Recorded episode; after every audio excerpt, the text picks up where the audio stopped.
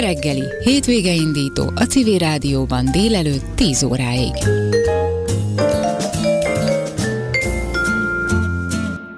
Pest megyei kormányhivatal honlapja szerint az Országos Vízügyi Főigazgatóság 2020. szeptember 23-án visszavonta a hajógyári sziget árvízvédelmi fejlesztésére vonatkozó kérelmét.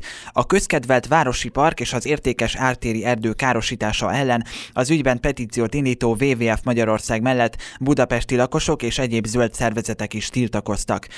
A hatóság megszüntette az engedélyezési eljárást, amely 2020. június 11-én indult, és 105 napos ügyintézési határideje szeptember 24-én járt volna le.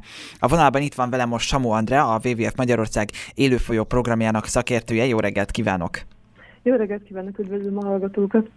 Hát ugye, ha környezetvédelmi témáról beszélünk, akkor nagyon sokszor ilyen hát patetikus vagy negatív felhanggal beszélünk róla, mert hát ugye sajnos nem túl szívderítőek általában az események, de most mégis talán ha azt mondhatjuk, hogy egy fokkal könnyebb szívvel beszélhetünk a hajógyári szigetről, mert most egyelőre legalábbis úgy tűnik, hogy megmenekült az emberi hát, rombolástól. Ezért is javasolnám azt az aspektust, hogy picit most arra nézzünk rá, hogy milyen természeti értéket is képvisel a hajógyári sziget, és hogy picit, picit tudatosítsuk talán a hallgatókban is, magunkban is, hogy tulajdonképpen miért is fontos a hajógyári sziget. Ugye az első kérdésem, hogy, hogy a városi vagy a környező kerületek ökoszisztémájában, klímájában milyen szerepet tölt be a hajógyári sziget? Hát először is azt kell tudni, hogy egy városi területen belül igen nagy értéket képviselnek a zöld felületek, szerintem ezt már mindenki egyre inkább tudatosítja magában. Jelenleg ugye az egész világon az a tendencia jellemző, hogy az emberiség fele már városokban él, és ez a trend egyre csak növekszik, tehát a század végére lehet, hogy egy 70 a is az emberiségnek most már városokban fog lakni és uh, ugye a városokban eleve jellemző egy uh, nagyobb beépítettség, uh, ami uh, a, az úgynevezett káros hősziget hatás, hatást eredményezi, ami azt jelenti, hogy egy belvárosi beépített területen akár 2-6 fokkal is magasabb lehet a hőmérséklet, mint a külterületeken. Na most ugye Magyarországon egyébként is az jellemző, hogy uh, már most is 10-30 nappal több napon uh, jellemző a hőstresszes napok száma, és uh, ugye ez a klímaváltozással csak erősödni fog.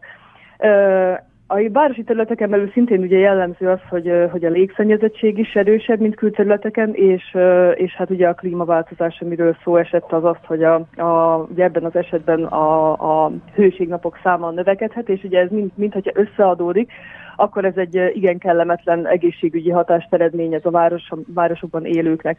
És mindenképpen ugye az adaptációhoz szükséges az, hogy, hogy a már meglévő, vagy a még meglévő zöld felületeket mindenféleképpen megtartsuk. Tehát, hogy ez városon belül egy olyan funkció, ami, ami jelentősen hozzájárulhat ahhoz, hogy az életminőségünk növekedjen, ugye ez az egyik dolog.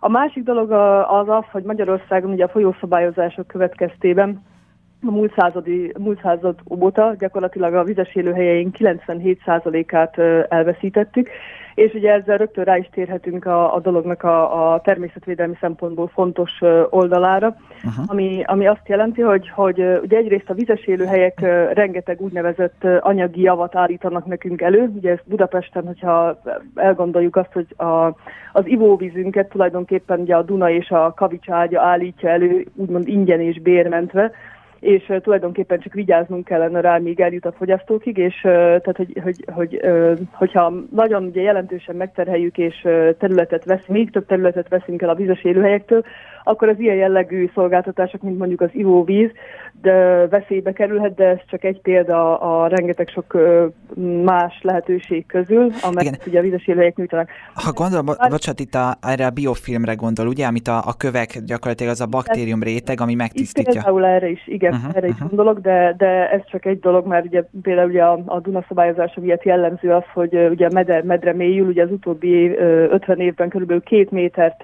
mélyült átlagosan a Duna medre, de van, ahol ez eléri a 10 métert is, és ugye emiatt az is jellemző lehet, hogy más irányból kerülnek vizek majd a parti szűrési kutak felé, ami, amit nem tud ugye megszűrni a Dunakavicságya, tehát ez egy ilyen nagyon szerteágazó probléma.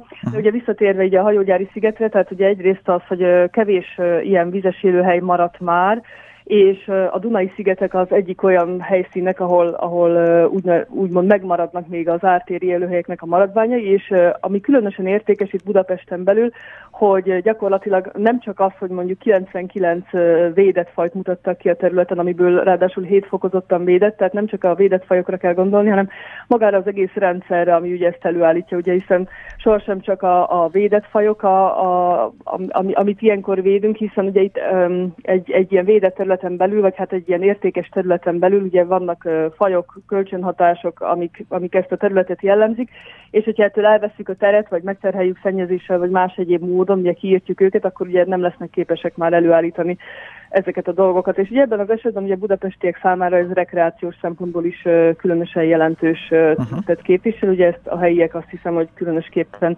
érzékelik, és ezért is, ezért is álltak teljes melszélességgel az ügy mellett. Tudnál nekünk néhány példát mondani, hogy milyen védett fajok élnek itt a hajógyári szigeten? Egy-kettőt esetleg, ha csak így említésképpen. Hát élnek itt ugye többféle denevérfaj, ízeltlábúak, vidrák, hódok, vagy akár sokak által kedvelt és ismert énekes madarak is. Ornitológiai szempontból egy különösen jelentős területről beszélünk, tehát nem csak a fészkelő és táplálkozó helyet nyújt tulajdonképpen ez a hely, hanem a télen, amikor ugye jönnek a vonuló madarak északról, akkor nagyon sokszor itt állnak meg pihenni, és, és táplálkozó helyként használják a, a, a sziget északi részét körbevevő ártéri erdőt is. Uh-huh. Igen, érdekes, amit mondja, a hódokat is említette. Éppen a, talán, az, talán tegnap, tegnap előtt jelent meg ez egyik hírportálon, hogy hódok költöztek az egyik Margit-szigeti ö, evezős egyesület úszóháza alá. Ö, itt nevezek egyébként én is történetesen, ö, és, és tényleg az egyik ö, evezős társunk, meg kollégánk vette fel ezt a videót, szóval ott is megjelentek már például a hódok.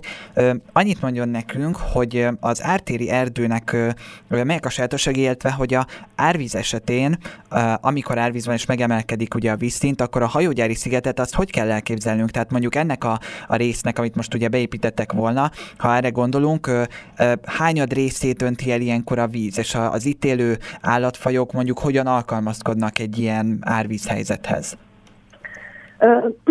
Na most igen, azt kell tudni, hogy egy ártéri erdő az, az teljesen hozzászokott, sőt igényli ezt a fajta elöntést, ami árvízkor jelentkezik, ami egyébként sajnos egyre ritkábban ö, köszön mostanában be, tehát hogy jelenleg gyakrabbak a kisvizes időszakok, mint, a, mint az árvizek. Utoljára 2013-ban volt magasabban a vízszint, és ekkor egyébként végeztek egy területfeltöltést, tehát hogy most is, hogyha ha kimegy oda az ember és elkezd sétálni, akkor ott látszik is, hogy egyfajta ilyen töltésen sétál, tehát hogy 2013-ban már azt a részt, ami ugye a Sziget Fesztiválnak helyet ad, ugye a közpark, azt oda, oda már nem is tudott bemenni a víz igazából.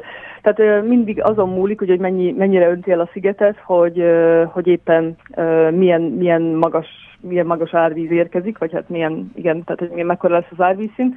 És hát tulajdonképpen ugye maga az erdő, tehát az maga az erdő az alkalmazkodott ehhez a vízszint emelkedéshez, ők bírják az elöntést, a különböző fajok azok pedig hát odébb, odébb vándorolnak addig is, míg, míg, ez a, míg ez az elöntés tart.